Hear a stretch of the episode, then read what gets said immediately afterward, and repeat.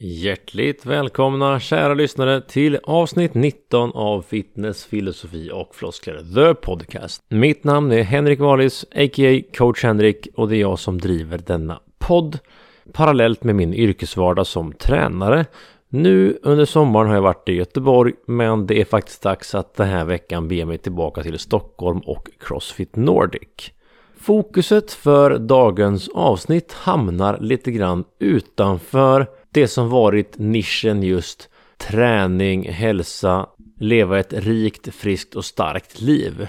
Men på många sätt är det ändå relevant för mig. Och i den här stunden där podcasten fortfarande förblir utan sponsorer jag måste testa mig fram fortfarande så väljer jag att lägga upp ett lite annorlunda avsnitt. För när jag tänker tillbaka min första gäst i podden var ingen mindre än Niklas Boja från Sundsvall. Hemvärnsman, styrketräningsentusiast, barnboksförfattare och en man som jag som konsumerat sjuka mängder actionfilmer och både som liten och som vuxen går igång på idén med en ass-kicker. Och där någonstans över populärkultur har Niklas Boja och jag klickat och det har jag faktiskt gjort med många av mina vänner. Och det här med muskulösa actionfilmhjältar som kickar ass och droppar one-liners gör rundsparkar på film med magrutor. Det gjorde stor påverkan på mig som tonåring och jag kan faktiskt attribuera Bruce Lees, Jean-Claude Van Dams, Arnold Schwarzeneggers, Sylvester Stallones kroppar och vad de kunde göra med dem till att jag föll så hårt för styrketräning för jag fick liksom ett blueprint. Wow! Jag vill ha svällande biceps. Jag vill vara handlingskraftig nog och kunna rädda dagen. Så i min egen origin story är actionrullar väldigt intressanta. Och det här avsnittet är just actionfilmernas Hall of Fame. Det vore ju kanske ganska tråkigt att jobba för sin frihet och använda podcasting som ett kreativt medium. För vissa också kan vara ett professionellt medium. Men i det här avsnittet så väljer jag att då tillsammans med en vän som väljer att vara anonym att spela in avsnittet Actionfilmernas Hall of Fame. Om det här hamnar utanför omfånget för varför du väljer att lyssna på den här podden så är det bara att klicka dig själv vidare till annat. Är det så att du har en gammal cineast, actionfilmsnörd, kanske du är född på 80-talet, kanske du diggar actionhjältar som räddar dagen då kanske just det här avsnittet är för dig. Samtalet är runt en timme långt och det har lagts på en liten röstförvrängning. Upplägget är ganska enkelt. Min vän och jag, som bägge två är uppvuxen med kampsport, styrketräning och då actionfilmer, väljer att helt enkelt ta fram vår egen 5 till 10 topplista med lite budget då för att vi kommer välja samma filmer och försöka hitta gemensam grund för vad som är actionfilmernas Hall of Fame. Och det här är ju en slags historisk twist på, för nutida actionhjältar skulle nog kanske vara Chris Hemsworth, Dwayne The Rock Johnson och kanske allmänt hämtat ur liksom nuvarande superhjälterullar. Men de är lite en döende art. De är hypermaskulina, snudd på arroganta, men ändå med hjärtat på rätt ställe. Steroidpumpade kämparna som vi faktiskt fick se var och vartannat år på vita duken i underbara 90 minuters filmer hela 80-talet och en bra bit in på 90-talet. Det är det du kommer höra i dagens avsnitt.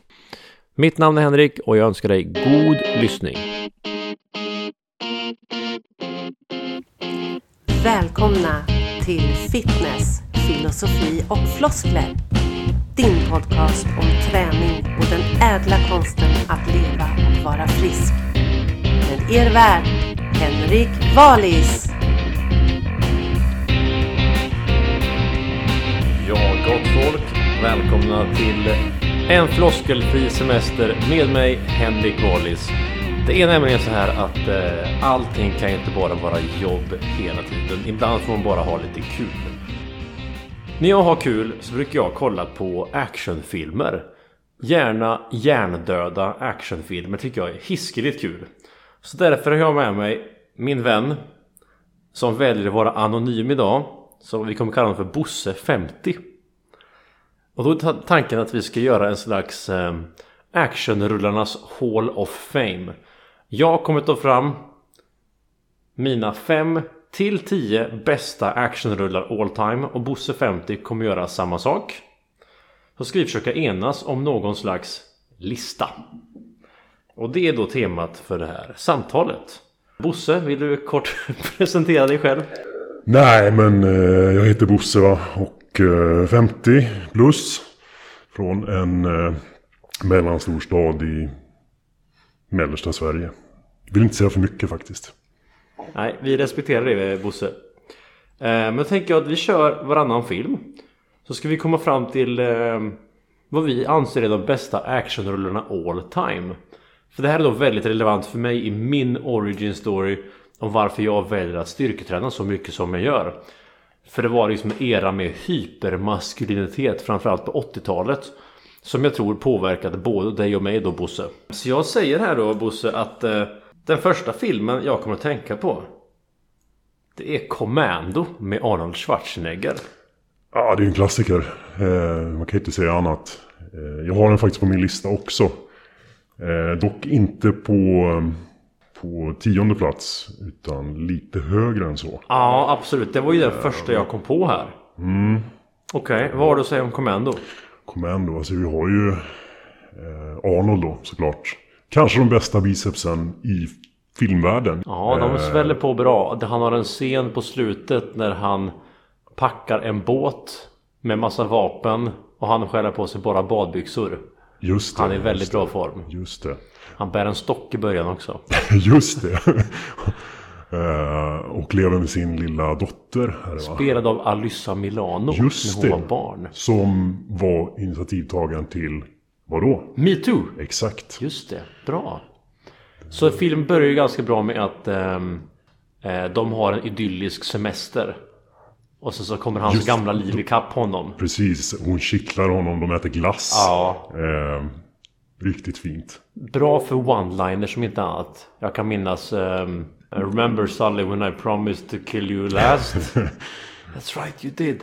I lied. Right. Precis. Så det är mycket bra one-liners, mycket våld. Arnold är i toppform. 1980... 85 vill jag minnas. Ja. Sen får man inte glömma Arnold absolut gjorde en fantastisk prestation.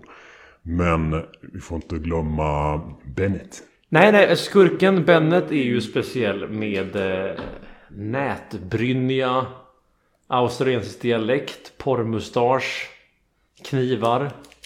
Det var ju också så här att det här var ju mitt under peak battle mellan Stallone och Arnold. Och Arnold ville bräcka Stallone så han ville lägga väldigt mycket krut på slutscenen. Och det är ohyggligt många som dör. Och komiskt nog så alla personer som blir träffade av en handgranat gör en perfekt framåtvolt 180.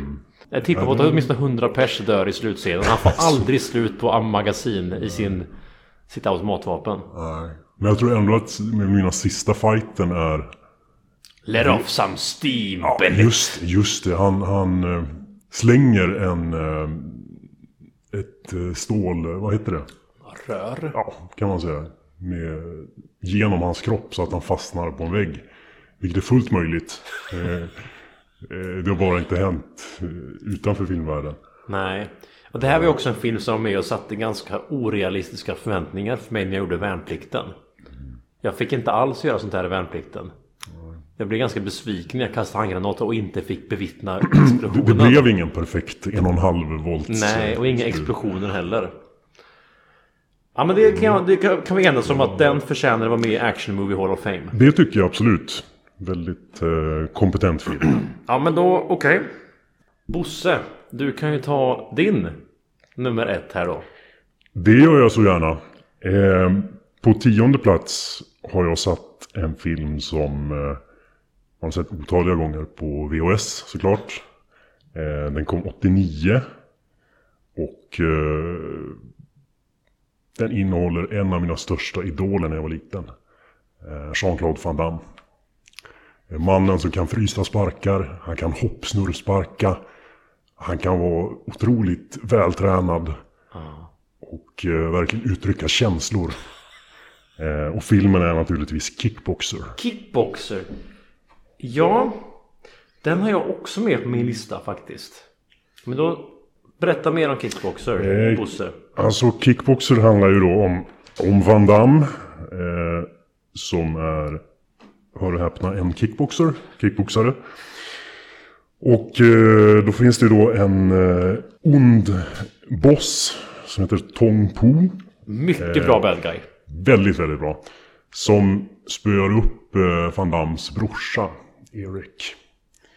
Och eh, jag tror gör honom förlamad till och med. Hamnar i, i rullstol. Och eh, Van Damme ska ju då hämnas och möta Tong Po. I en stenhård kickboxningsmatch. Och det här är då i Thailand, det här är då Muay Thai. Absolut. För brorsan Eric Sloan var väl då en champ i kickboxning men det var alltså inte samma som thai-boxning. Nej, precis. Amerikanerna kan inte skilja på kickboxning och thaiboxning. Nej. Så de, de kallar den för kickboxer. Och brorsan är en ganska arrogant karaktär också. Lillbrorsan Van Damme är väl lite mer ödmjuk. Ja, precis. Ehm, är, är det bara action fighting scener du tycker om? Eller är det också andra bra scener du tänker på spontant? Det finns ju väldigt, väldigt många bra scener. Eh, men en som värd att nämna det är ju den berömda dansscenen. Eh, Van Damme shottar en lite, ett litet glas eh, sprit av någon sort. Och går därefter helt bananas när han börjar dansa upp två tjejer från ingenstans. Eh, han skakar höfterna som ingen någonsin har gjort förut. Eh, jag tror att Shakira skrev en låt om det, Hips Don't Lie. Kan vara så. Eh, sen så blir det då de andra killarna på den här baren avundsjuka på Van Damme. Hans charm och vighet. Så att det blir ett stort slagsmål. Och han spöar upp alla killarna. Eh, och sen så går han därifrån. Eh, svårt att beskriva den dansscenen, jag men, tycker den är, det den är den- magisk. Den passar väldigt bra in i filmen som lite... Eh, man, man tar bort allvaret lite grann.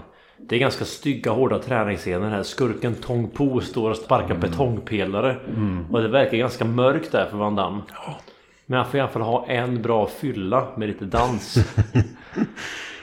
Ja, den är, den är magisk. Den är ju det är också saker man lär sig i, i kickbox. Och det är ju också att stretcha på ett föredömligt sätt. Just det.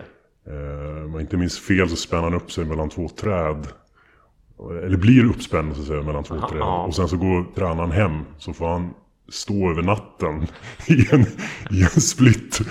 För att han ska kunna sparka det så högt som möjligt och så snyggt som möjligt. Ja. Fler avslutande ord om eh, kickboxer. Jag kan också säga att det finns ju kickboxer 1, 2, 3 också va? Kan finnas, ja. Men Van Damme är bara med ettan. precis. Tvåan som också faktiskt är helt okej. Den kvalar inte in på listan. Men den, jag tror att det var någon skådis som var med i Dallas. Eller något så här liknande. Ja, för han slåss ju också mot Tong Po i tvåan tror jag. Ja, kan vara så. Och det här var då filmer jag hyrde ehm, på videoöppet i Uddevalla back in the day. Ja. Jag vill också nämna omslaget till Kickboxer. Eh, väldigt coolt. Eh, Han står då med lindade händer. Med glas på händerna. Just det ska det. kännas ordentligt. Och det var det här som parodierades i Hot Shots 2 Ja. sen med Gummy Bears. Gummy Bears. Precis. Nej men en hård film med, med mycket snygg kampsport. Ja men eh, min andra film här då Bosse. Det är också en Jean-Claude Van Damme klassiker. Och det är ju någon som du kanske också har med där misstänker jag. Och det är då Bloodsport 1. Jean-Claude Van Damme spelar yrkesmilitären Frank Dux. Som tar bondpermis för att sticka till Hongkong och delta i en underground fighting turnering som kallas för The Kumite. Just det, just det. Det var väl eh, Van Dams stora genombrott. Skulle man kunna så? säga. Ja. Eh, kom ju då 88. Året innan Kickboxer. Är den här på din lista? Den är med på min lista, där är den. Ehm, jag har den på plats nummer fem på min lista. Vill du berätta mer om den? Allt jag tycker är stort med den här är då att eh, handlingen är väl någon slags hybrid av True Story med väldigt mycket artistiska friheter. Bland annat då så, så tävlar ju Jean-Claude Van Damme eller Frank Dux för Tanaka-klanen. Han är då tränad av en legend som heter Shidoshi Tanaka. Som bland annat har tagit fram Dim Mak, ödesslaget. Där man kan krossa tegelstenar på ett ganska coolt sätt. Han får ju medhjälper från USA. Eh, En biker i tveksam fightingform. Som heter, vet han Heter han nu? Jax eller Jack eller någonting? Jackson kanske. Jack, ja, Ja. jag kan kalla honom Jackson. Eh, och, men skurken är ju faktiskt en riktig kampsportskurk. Det kan man säga. Han spelas ju av Bolo Yang och heter ju filmen Chong Li. Precis. Eh, kampsportsvärldens största pex. Ja, Mr tillägga. Hongkong någon gång på 70-talet. Ja. men det, är, det är en bra film. Det är liksom en eh, elimination tournament i någon slags eh, dödsslagsmål. Verkligen. De har också en väldigt speciell eh, fighting eh, plattform, ska man kalla det så. Ja, Där de inför finalmatchen då bygger om den här eh, plattformen med någon slags eh, banks på varje sida. ja Så att man- uppförsbackar. uppförsbackar så att man inte ska kunna fly. väldigt eh, nytänkande. Ja. Ingen har gjort det därefter. Nej men filmen har ju väldigt många minnesvärda repliker. Alltså när Chong Li säger eh, I break you like I break your friend. Just det, ja. Eh, Det är väl ungefär det enda han Chong Li säger i hela filmen tror jag. Ja, han säger också very good but brick don't hit back. Just det, just det. Klassisk. Det är också en liten romans med i filmen. Van Damme förälskar sig i en amerikansk journalist. Det är en väldigt... Det är här generell röd tråd i Van Dammes filmer att han subtilt säljer ganska mycket sex. Det är en sån där berömd scen efter de har då har sovit ihop under natten så tar Van Damme på sig ett par burgundyröda kalsonger. Och man kan se de här nötknäckarskinkorna väldigt flexade. Oklart varför scenen är med men ehm, han etablerar sig ändå lite grann som en, eh, kan man säga, kampsportsvärldens sexsymbol. Absolut. Ehm, vad tänker jag mer på Bloodsport? Återigen saker man får lära sig. Inför den här finalfighten då så kör ju Chong Li en del fultricks får man säga. Han använder sig av, han ska säga, inte rent mjöl i påsen utan han slänger mjölet i ögonen på Van Damme. Men som tur är så har ju Van Damme övat på att servera te med ögonbindel. Just det. Eh, så att därför gör det inte så mycket. Utan han lyckas då med stor förvirring bra- bra skådespel. väldigt eh, mycket mimik. Eh, lyckas han utdela då ett, ett, en palm strike i solar plexus på Chong Li. Eh, just innan han gör sin berömda hoppsnurrspark. Fyra stycken i rad. Ja. Att den berömda helikopterrundsparken. Exakt. Kanske världens snyggaste eh, filmteknik. Ja, absolut. Utan tvekan. Det är, slutfighten är episk på det sättet. Den får, eh, den får fem stjärnor och definitivt en plats i actionrullarnas Hall of Fame. Det tycker jag. Kanske den bästa kampsportsfilmen all time. Det är jag beredd att hålla med om. Ja. Eh, näst på listan då, Bosse? Då kom vi in på det som jag satt som mm, på plats nummer nio då. Lite långt ifrån kampsport men ändå en, en hårdkokt action. Från 86 med Stallone, filmen Cobra. Oj! Eh, med en tagline som löd Crime is a disease, meet the cure. Ja, den är bra. The strong arm of the law. Ja. Cobretti. Cobretti, precis. Stallone, snuten som lever lite på gränsen till det tillåtna. Men som är den som polisen skickar in när ingenting annat hjälper. Ja, och det här, jag har ju också den här på min lista, Bosse. Och jag tycker det är väldigt talande där i början när det är liksom en eh, gisslansituation som inte kommer någon vart för att de här liksom mjäkiga poliserna som följer regelverket, de kommer ingen vart. Och liksom i, ett, i en stund av frustration så säger den här polismästaren bara Send in the Cobra. Och då kommer han med eh, tandpetare i mungipan Solbriller, skinnpaj, motorcykel. Nej, den är listan och i slutet så slåss han mot eh, nazister eller någonting. Är lite oklar handling kanske. Jag minns inte exakt slutet. Men eh, en, en hård action av den gamla skolan. Jag minns också att han äter pizza. Men inte bemödar sig att använda kniv och gaffel. Han kör sax. Just det! Allt för att slippa diska. Och han kör ganska så klassisk. Han kör muskelbilar och motorcyklar. Alltså hårdkokt polisgenrens alltså, viktigt verk. Absolut. Ja, en bra film. Inte kanske hans mest kända film. Långt ifrån skulle jag säga. Men eh, definitivt sevärd. Även här har vi ju bra soundtrack i filmer. Låten Angel of the City. Det här är ju då Los Angeles brottslighet på 80-talet. Det är bra soundtrack, väldigt ikoniskt 80-tal. Ja, den förtjänar sin plats. Absolut. Eh, näst på min lista. Nu snackar vi faktiskt kanske lite större filmer. Jag tror det här var nog en större box office success. Och då har jag faktiskt med Predator, eller då Rovdjuret på svenska. Just det. Eh, kanske också är sådär topp tre Arnolds bästa bicepsfilmer. Precis, och då snackar vi alltså den originalet Predator. Inte någon remake. Nej, nej ingen remake. Nu snackar vi... Jean-Claude Van Damme var påtänkt som själva rovdjuret. Men Visste jag un- faktiskt inte. Nej, men under mycket, många kontroverser så hoppade han av. Han ville att sitt ansikte skulle synas. Och det var ganska svårt att röra sig i den här dräkten. Det blev aldrig riktigt bra. Men det finns liksom bilder av Van Damme på set. Och det, var, Okej. det var inte bra det här. Han hade ju aldrig kunnat gjort sin snurrspark i den. Förmodligen inte. Finns det någon film Van Damme inte gjort en snurrspark? Jag tror inte det. Pass. Ro rovdjuret Predator. Ehm, bra one-liners. Många intressanta cameos. Jesse the Body Ventura är med.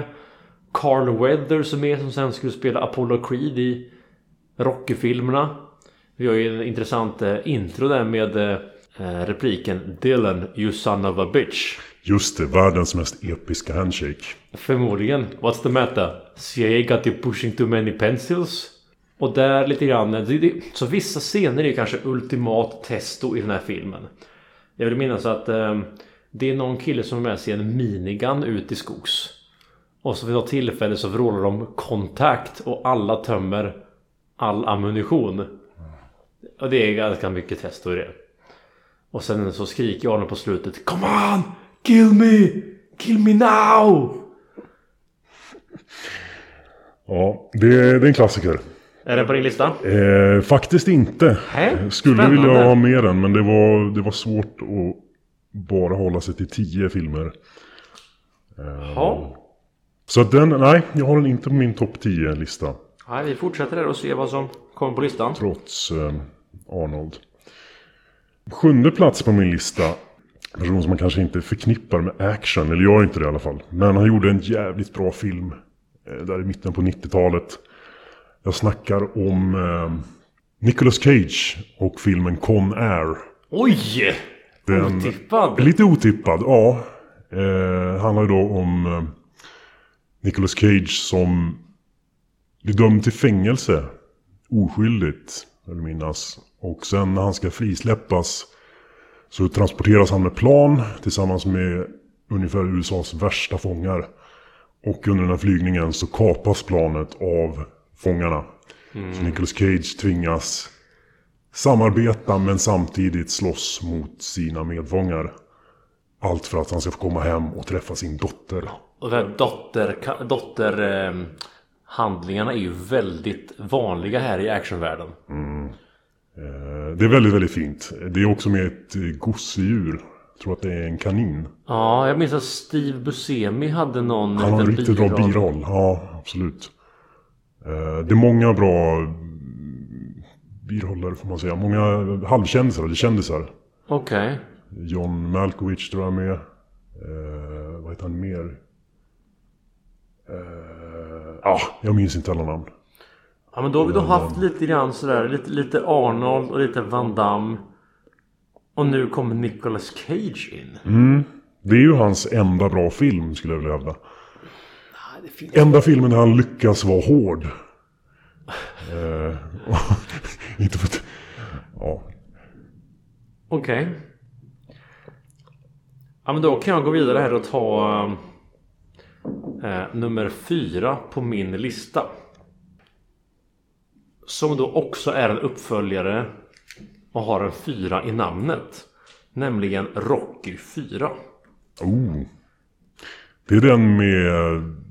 Nej, nu säger jag fel. Det var inte Hulk Hogan. Det är... Hulk Hogan spelar då Thunderlips i trean. Just det. I Rocky 4 så är det då den här kalla kriget Fighten Sovjets Ivan. bästa Ivan Drago Mot USAs icke-dopade helylle Rocky Balboa som tränar till skogs Medan då eh, Ivan Drago Sovjet dopar sig, tränar i the lab Filmen börjar ju ganska bra med att Ivan Drago slår ihjäl Rockys bästa vän Apollo Creed, tidigare champ. Han vill inte att Rocky ska stoppa fighten. Det är då han fäller kommentaren också. If he dies, he dies. Precis. Ikonisk replik tillsammans med I must break you. Och här gjorde faktiskt Stallone är en mästare på att skapa actionfilmer. Han eh, gjorde ju alltså så att han planerade ju sina filmer så att ju mer nakna scener det var desto tidigare la man dem i shooten. För ingen, så ingen kunde hålla formen genom en sex månader lång produktion. Så de började typ med att filma fighter i bara överkropp i sju veckor. Och sen spelade de in resten av filmen. Och det var ju kanske mer slagsmål än dialog kan jag erkänna. Två väldigt bra fighter i filmen. Eh, I alla fall två väldigt bra montage till eh, No Easy Way Out. Kan det vara också Training Montage? Ja, det kan vara världens bästa pepplåt. Jämförbar med Missar jag något montage? TVO. No Easy Way Out, Training Montage. Finns det något Burning Heart också? Är det, till och med, är det två träningsmontage i Ryssland? Det kan det vara. Jag min- minns uh, Vince DeColas trainingmontage. Ja, absolut. Det här är ju liksom hela min gymnasietid. Pre-gym, alltså innan pre-workout fanns. Och innan jag började dricka kaffe. Då fanns det egentligen bara... Slog man på en VHS Ja. med trainingmontage och sen körde man PB. Den är med på min lista, Bosse. Helt klart. Vill du fortsätta? Ja, du var klar med den. Vi återvänder till Arnold eh, på nummer, nummer sju. Plats nummer sju. En film från 87. Eh, som framförallt har ett väldigt, väldigt bra soundtrack. Jag vet att både du och jag har Ja. lyssnat en hel del på den här mannen. Eh, filmen heter då The Running Man. Just det. Och är väl egentligen, eh, kan man kalla det originalet till Hunger Games. Som kom många år senare. Och det är väl också baserat på en Stephen King-roman eller någonting va? Det är det faktiskt. Det, det stämmer. Eh, det är ju Arnold då som är helikopterpilot och eh, blir sänd till fängelse för att han vägrar skjuta på, på civila, oskyldiga. Och eh, för att ja, sändas i fängelset så får han då välja att vara med i ett slags tv-show som heter The Running Man. Där han ska springa en slags bana och undvika diverse motståndare som försöker döda honom, ta ut honom. Och det är då också fångar som har fått chansen att vara med i den här showen istället för att sitta i fängelse. Den här filmen har inte jag sett så många gånger. Jag, jag tänker då osökt på John Parrs magiska låt Restless Heart. Är det eh, sluttexterna den kommer eller har det liksom något... Bidrar den till filmen på något sätt? Den, den, precis, den kommer i, i eftertexterna. eh, Gör den. Vet inte om den har så mycket med filmen att göra egentligen. Men en jävla bra låt helt enkelt. En av hans många. Det här var ju liksom en ålder när filmer i regel kunde vara 90 minuter långa, give or take. Och Arnold och Stallone var på TV, bio varje år. Då hoppar jag på en eh, femma här om inte du vill tillägga någonting om eh, Arnold. För nu har vi haft två, tre Arnold-filmer på den här. Nej, lå, låt oss gå vidare och se. Och då drar jag på en eh, som jag inte vet är på din lista men jag har faktiskt med Roadhouse. Ooh, Med Patrick Swayze och kan det vara Sam Neill? Sam Elliot Sam. Elliot, tack.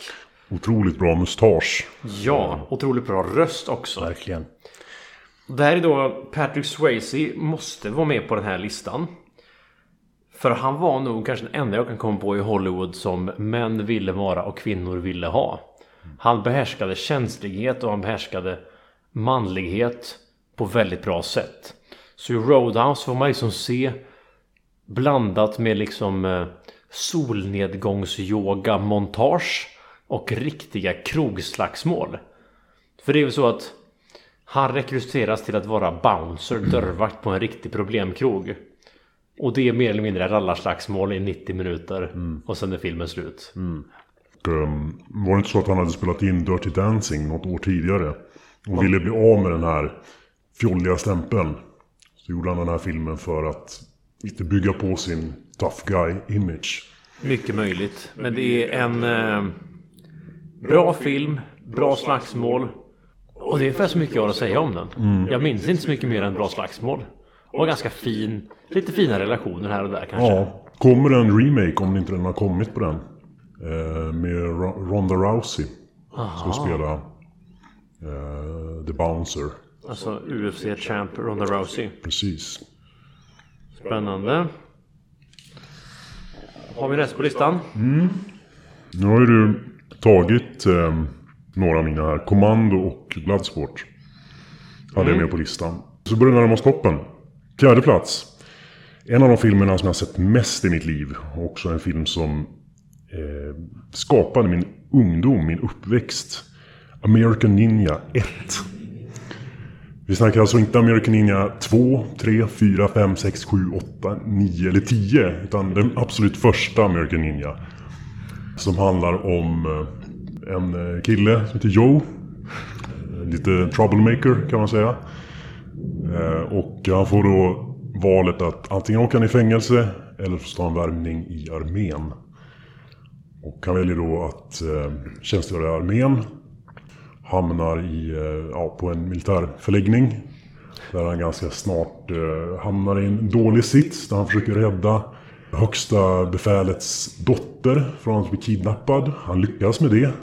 Men till priset av att 5-10 soldater dör. Och det här får han såklart massa skit av då. Eh, och jag minns särskilt en scen i början där då hans eh, kompani, ja en på hans kompani helt enkelt, vid namn Jackson. En, en svart man med mustasch. Eh, utmanar Joe på en fight. För att visa att vem som är, om han nu är så jävla tuff den där Joe. Han ska liksom visa vad han kan. Han utmanar då, eh, Jackson utmanar då Joe på en eh, fight. För att eh, testa hans tuffhet. Joe vill inte fightas överhuvudtaget. Han är liksom lugn, han vill inte ha någon bråk, han säger inte så mycket, håller sig för sig själv. Eh, det enda han säger är egentligen Don't push it. Och Jackson tycker oh that's good, come on little boy. Och så till slut då får han Joe gå med på att slåss. Och Joe fullständigt eh, dominerar honom, förlöjligar Jackson på olika sätt. Eh, han sätter bland annat en hink på sitt huvud och ger en pinne till Jackson. Och ber Jackson slå honom i huvudet. Och Jackson misslyckas med det för Joe känner när den här pinnen är på väg. Som den ninja han är. Men hur blev han ninja då? Vi kommer till det. Ja. Ehm, Men han försvarar sig då mot det här slaget och uh, spöar Jackson och Jackson blir eh, ödmjuka av det och de blir bästa kompisar. Eh, senare i filmen så får man då veta att Joe har vuxit upp med en... eh, det finns ju normalt sett inte ninjor i, i eh, västländerna. Nej, nej förstås. Men det finns ju en ond ninja som heter Blackstar Ninja. Som är då en ganska lookalike till Saddam Hussein skulle jag säga. En kraftig mustasch, lite åt det hållet. Som är the bad guy. Som Joe måste fightas mot när den här högsta generalens eh, dotter har blivit kidnappad. Otroligt bra film. Vad glad jag att jag får veta så mycket om den här filmen. Du har inte sett den Jag har alltså? inte sett American Oj! Ninja. Där har Varken du... 1, 2, 3, 4 eller 10. Ja, då har, du, då har du mycket att säga. Jag skulle kunna prata om den här filmen otroligt länge. Men Jag tänker spontant, spontant det du säger att det där är ju en ganska så röd tråd i de flesta filmer att det är viktigt för oss att känna empati med hjälten. Så i det mesta Heroes Journey så finns det liksom ett call to adventure någonstans. Men de söker sig inte alltid till rampljuset men på något sätt så finner de sig där. De måste fatta ett beslut. Så han låter lite som en kanske alltså motvillig hjälte. Ja, det skulle man nog säga. Han, eh, han vill inte bråka som sagt, han vill vara lugn. Men han faller ju för den här tjejen. Dottern då till eh, generalen och eh, ja, då blir det som det blir. Ibland måste man slåss mot en, en ninja med mustasch. Eh, kan hända oss alla. Ja. Men eh, en grej som jag närmar mig också med den här filmen, det var ju en stor inspiration till min uppväxt. Ja. Eh, I den här filmen så får man även se hur det onda ninjagänget tränar på olika sätt.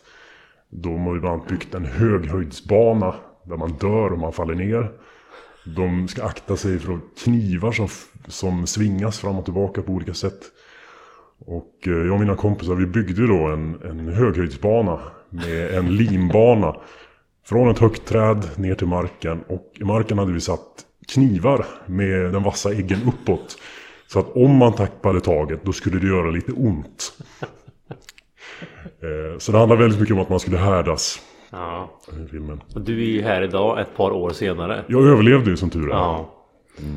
Men eh, det här med att överleva kan ju leda till min nästa film. Som jag kanske hoppas att du har på listan Bosse. Det är ju då Överlevarnas överlevare. Rambo 3.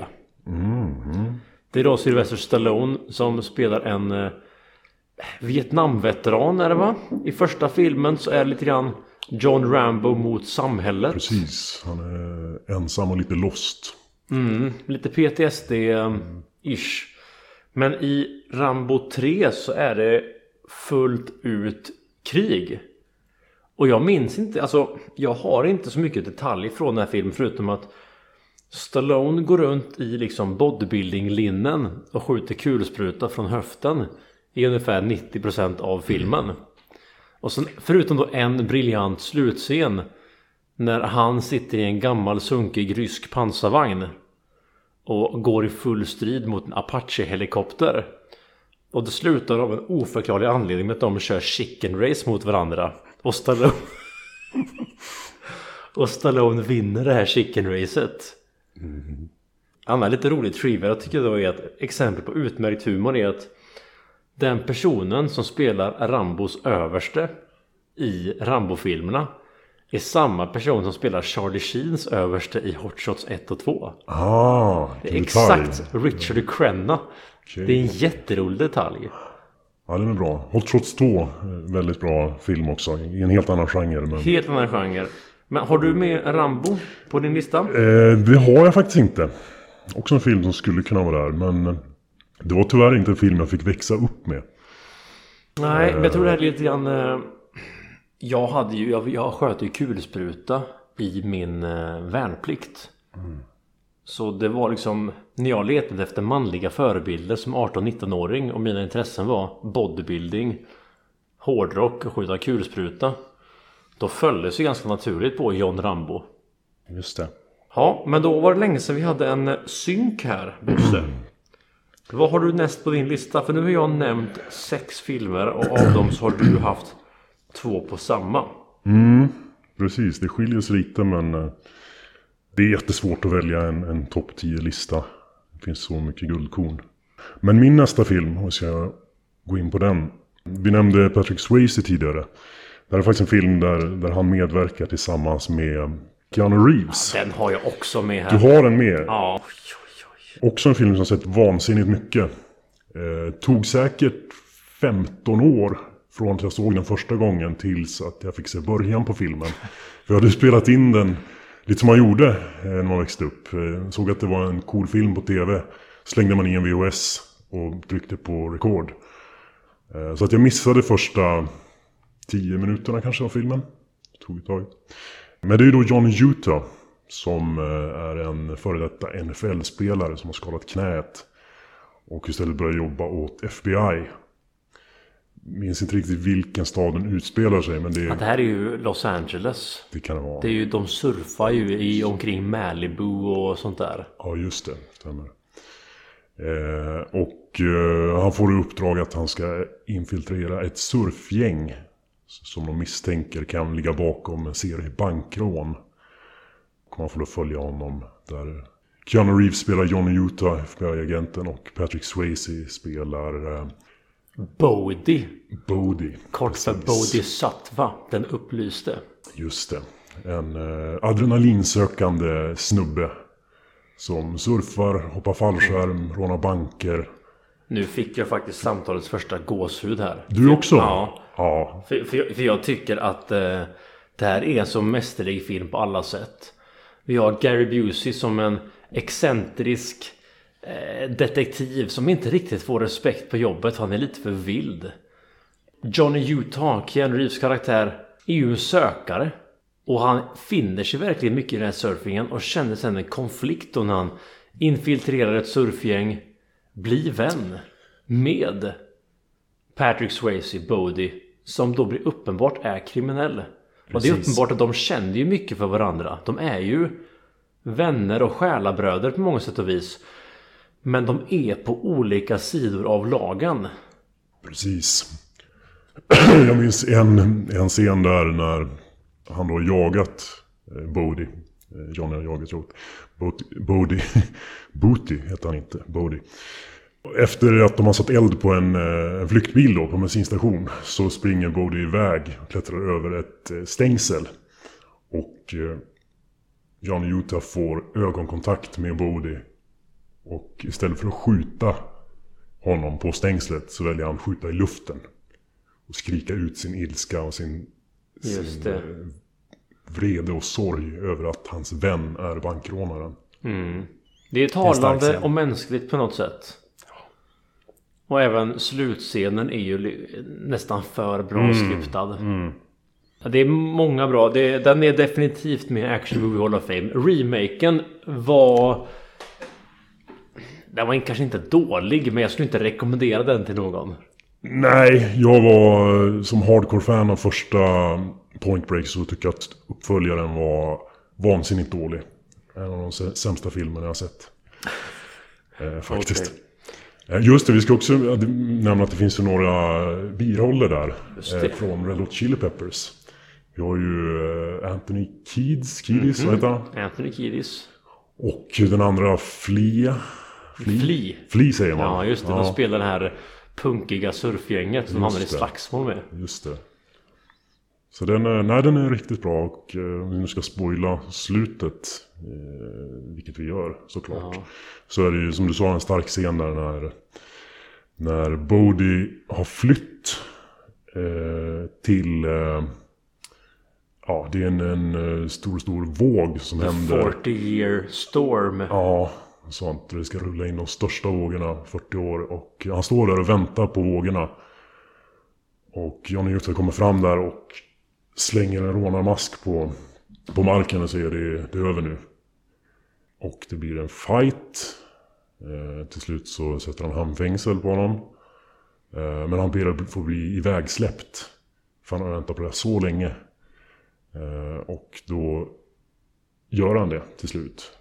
Han begår ett nytt tjänstefel, Johnny Utah. Han gör tjänstefel, precis. Han släpper iväg Bodhi för att ta den här sista vågen.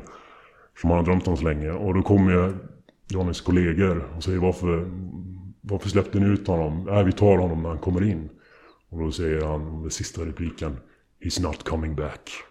Och sen slänger han sin badge, alltså sin. FBI-bricka i havet. Och sen är filmen slut. Det är så starkt. Jag tolkar det som att han blir surfare. Ja. Surfingen var viktigare än jobbet. Han, eh, han kunde inte säga nej. Och det här tror jag är lite grann skillnad på Average Joe och riktiga actionentusiaster som du och jag Bosse. Att vi väljer att göra de här tolkningarna på en film folk avfärdar som underhållning. Men Point Break är mer. Väldigt, väldigt bra film. Det går att säga massa om Point Break. Men jag tänker att jag går vidare till en film som jag tror att du kanske har med på listan också. Och då säger jag faktiskt Die Hard 1. Ja, en, verkligen en klassiker. Som jag dessvärre inte har med på min topp 10. Nej, Ehm, men det här är ju då Bruce Willis i hög form. Det är då en julfilm i Nakatomi Tower, Nakatomi Plaza. Om det nu finns i verkligheten tror jag inte. Men eh, Bruce Willis har väl någon eh, komplex relation med sin hustru, exhustru. Han är polis. Det kommer superskurken Hans Gruber, en tysk österrikare. Och det är som en slags eh, gisslandrama. Bruce Willis börjar filmen med ett ganska vitt linne, vit t-shirt. Och för varje minut som går så blir han lite svettigare och lite blodigare. Och det är generellt en sån här röd tråd i alla Bruce Willis-filmer. Så han är ju en, en mästare på one-liners. Väldigt bra skurk. Alan Rickman, tyvärr avliden. Lite familjerelationer. Och jag vill gärna säga att Die Hard var kanske starten på den här högljudda, arroganta amerikanska actionfilmshumorn.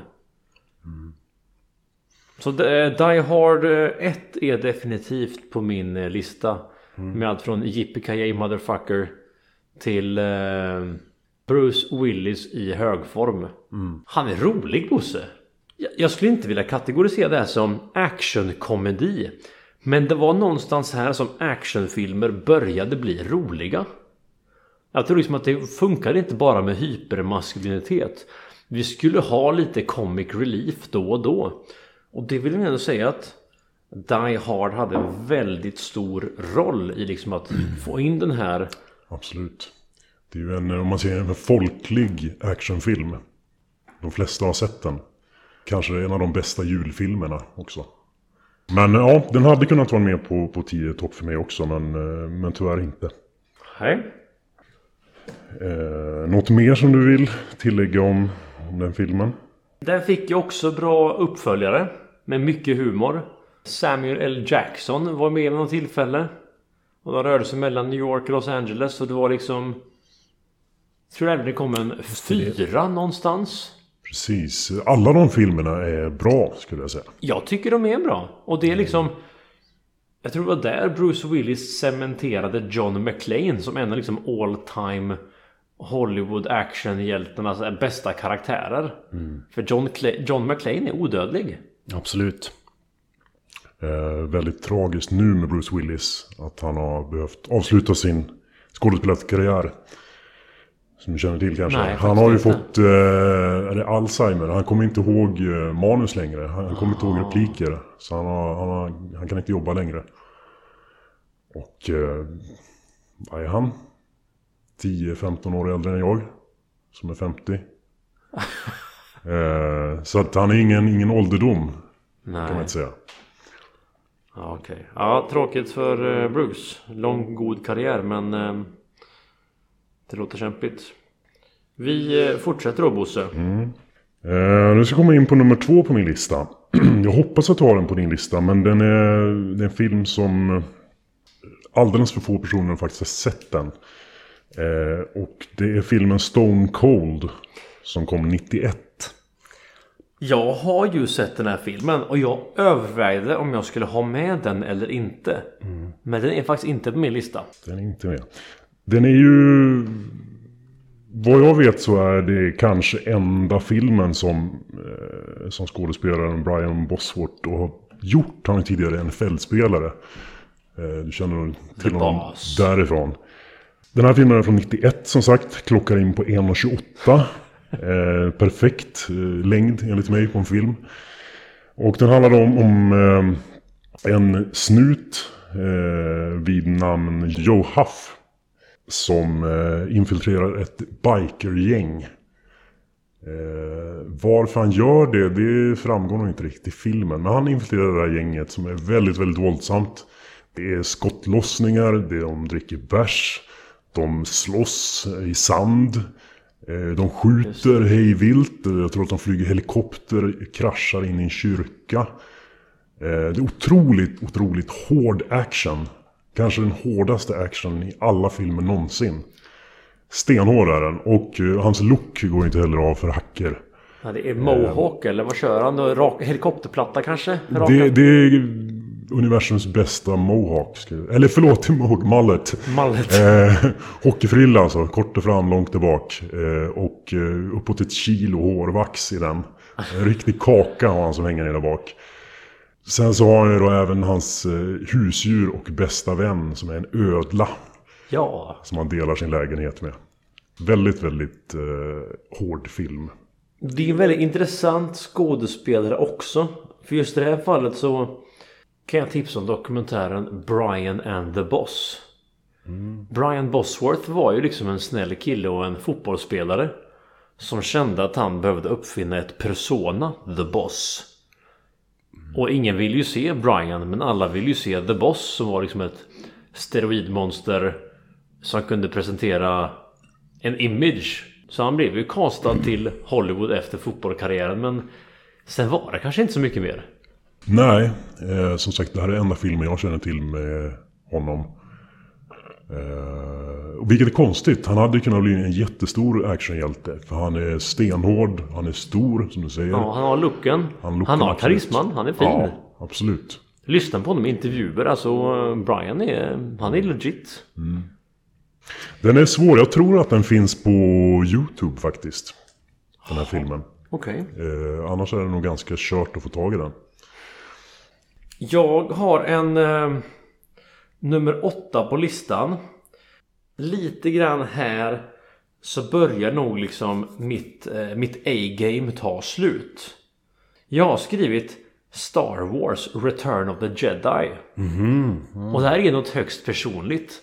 För den första fighting-scenen jag kan minnas jag blev helt amazed av.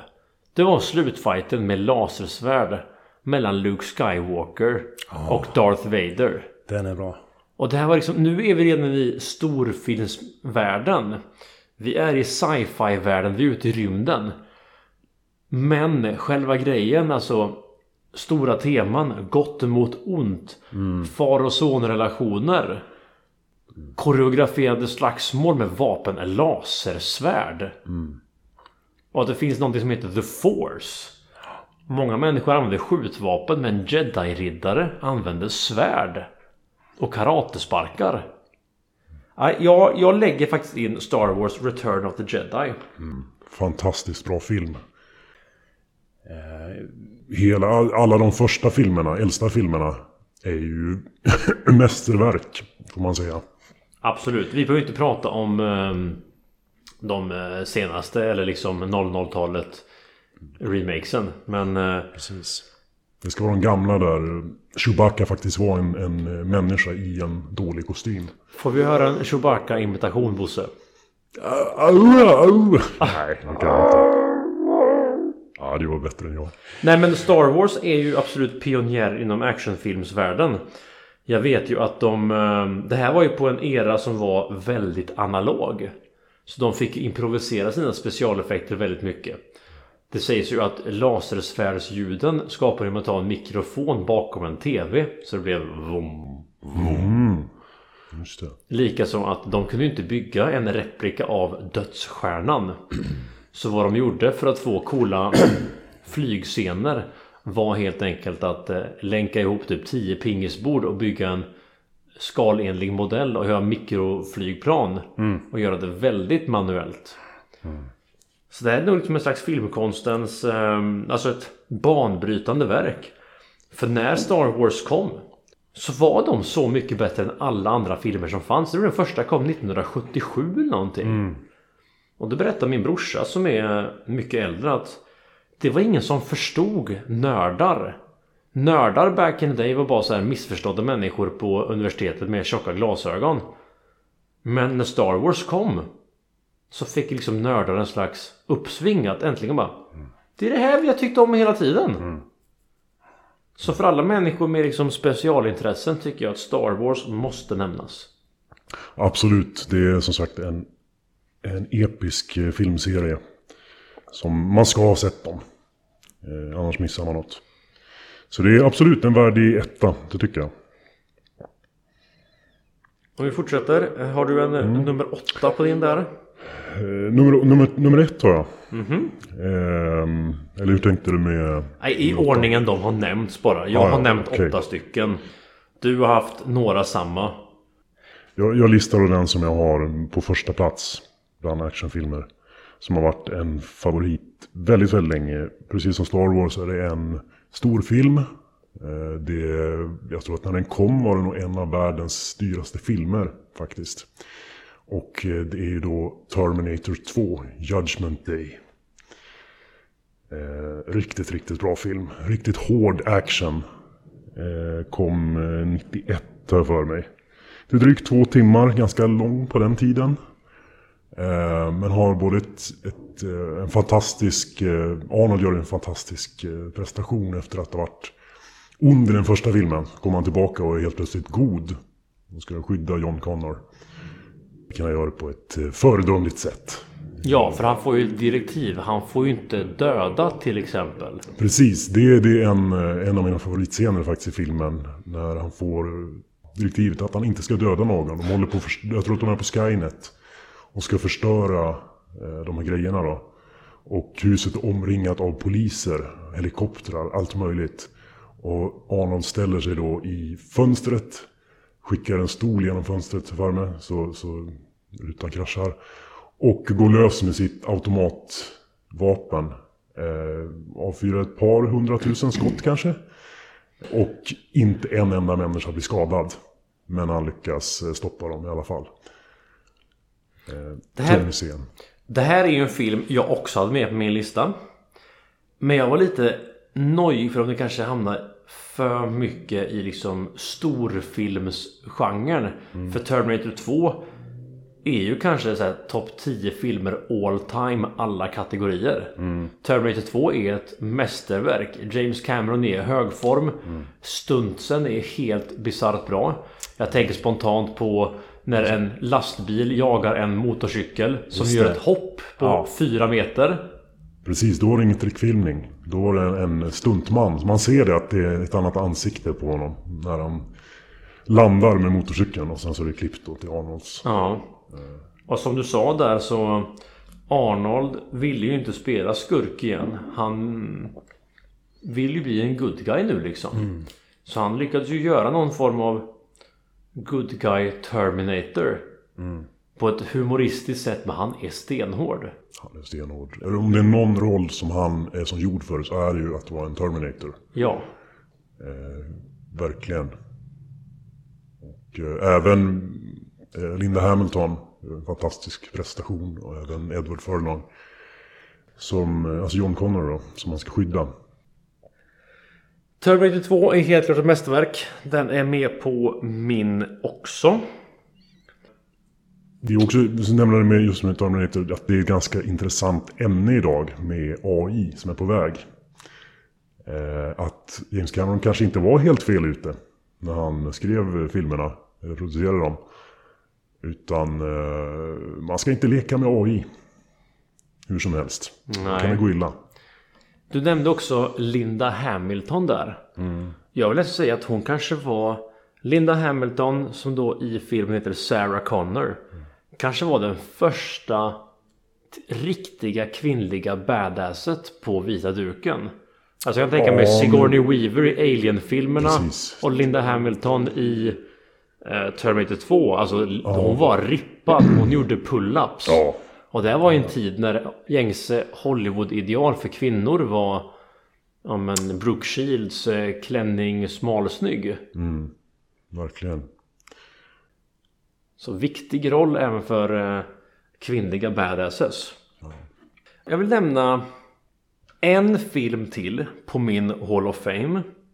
Och sen tänker jag att vi kanske kan ta några hedersvärda omnämnanden. Hur ligger du till på din lista Bosse? Ja, det där var ju min, min eh, första, mitt första val. Eh, Terminator eh, 2. Men som du säger, det finns många filmer som hade kunnat vara med på listan. Eh.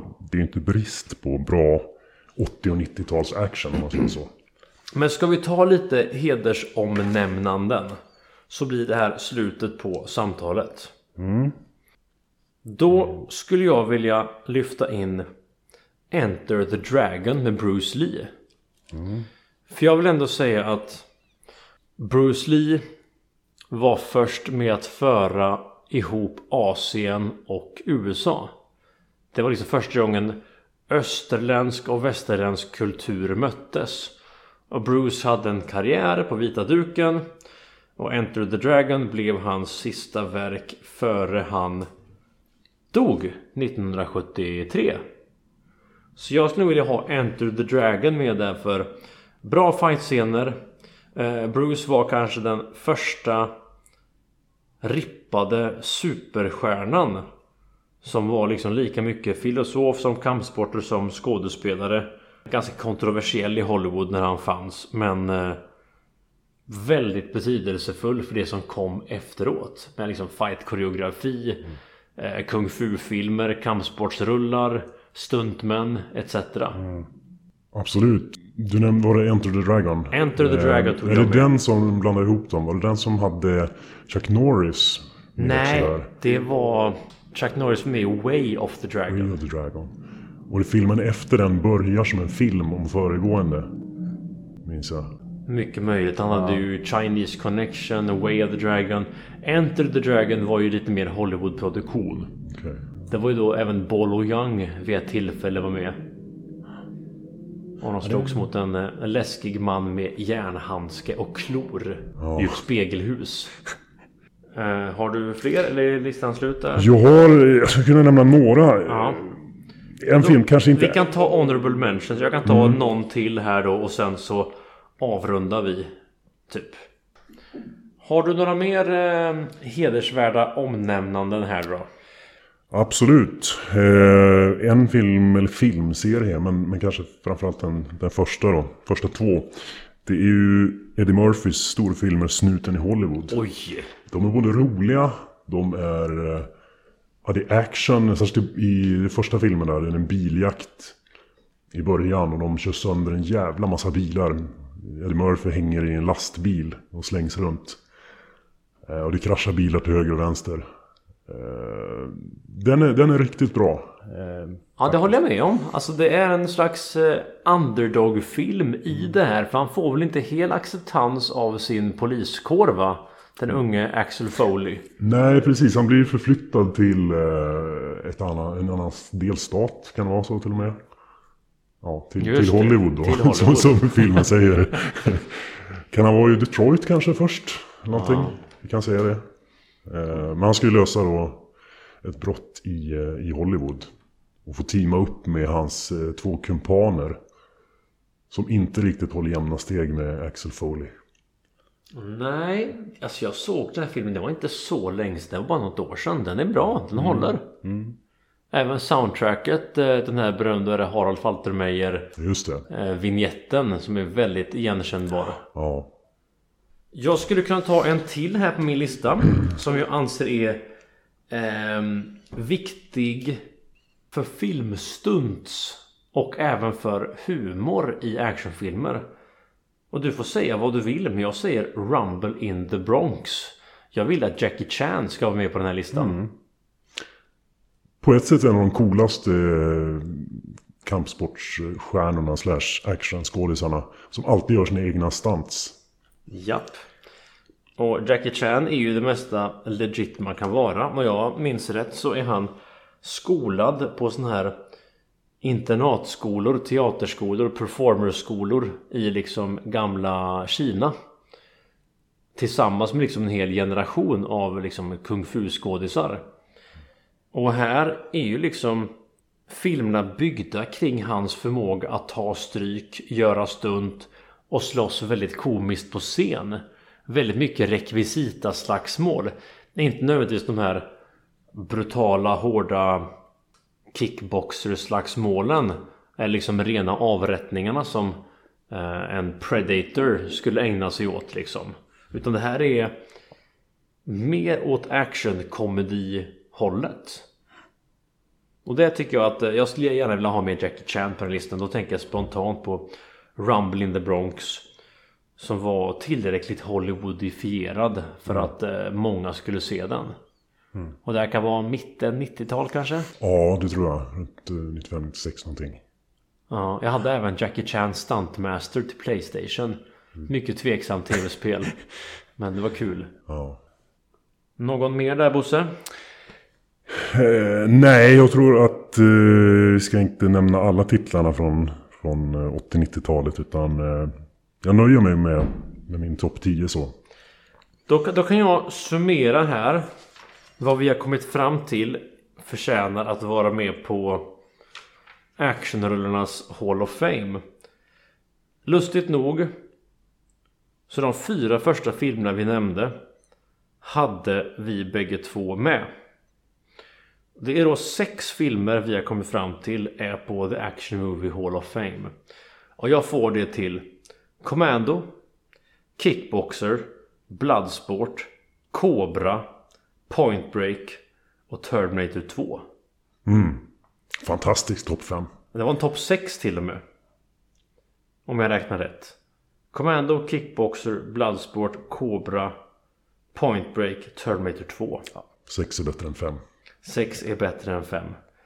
Och lite blandade inhopp då. Lite obskyra filmer som American Ninja, Stone Cold och lite mer allmänt accepterade filmer som Star Wars Return of the Jedi och uh, Die Hard kanske. Ja, nej men tack så mycket Bosse för att du ville dela med dig av din kunskap. Ja, tack själv. Väldigt kul att få vara med här. Jag ska åka hem till, eh, till byn där jag bor. Bra. Ja men ehm, då säger vi så. Önskar vi goda filmkvällar här då från fitness, filosofi och actionfilmer. Ett trevligt semesteravsnitt. Ta hand om er hörni. Ha det gött.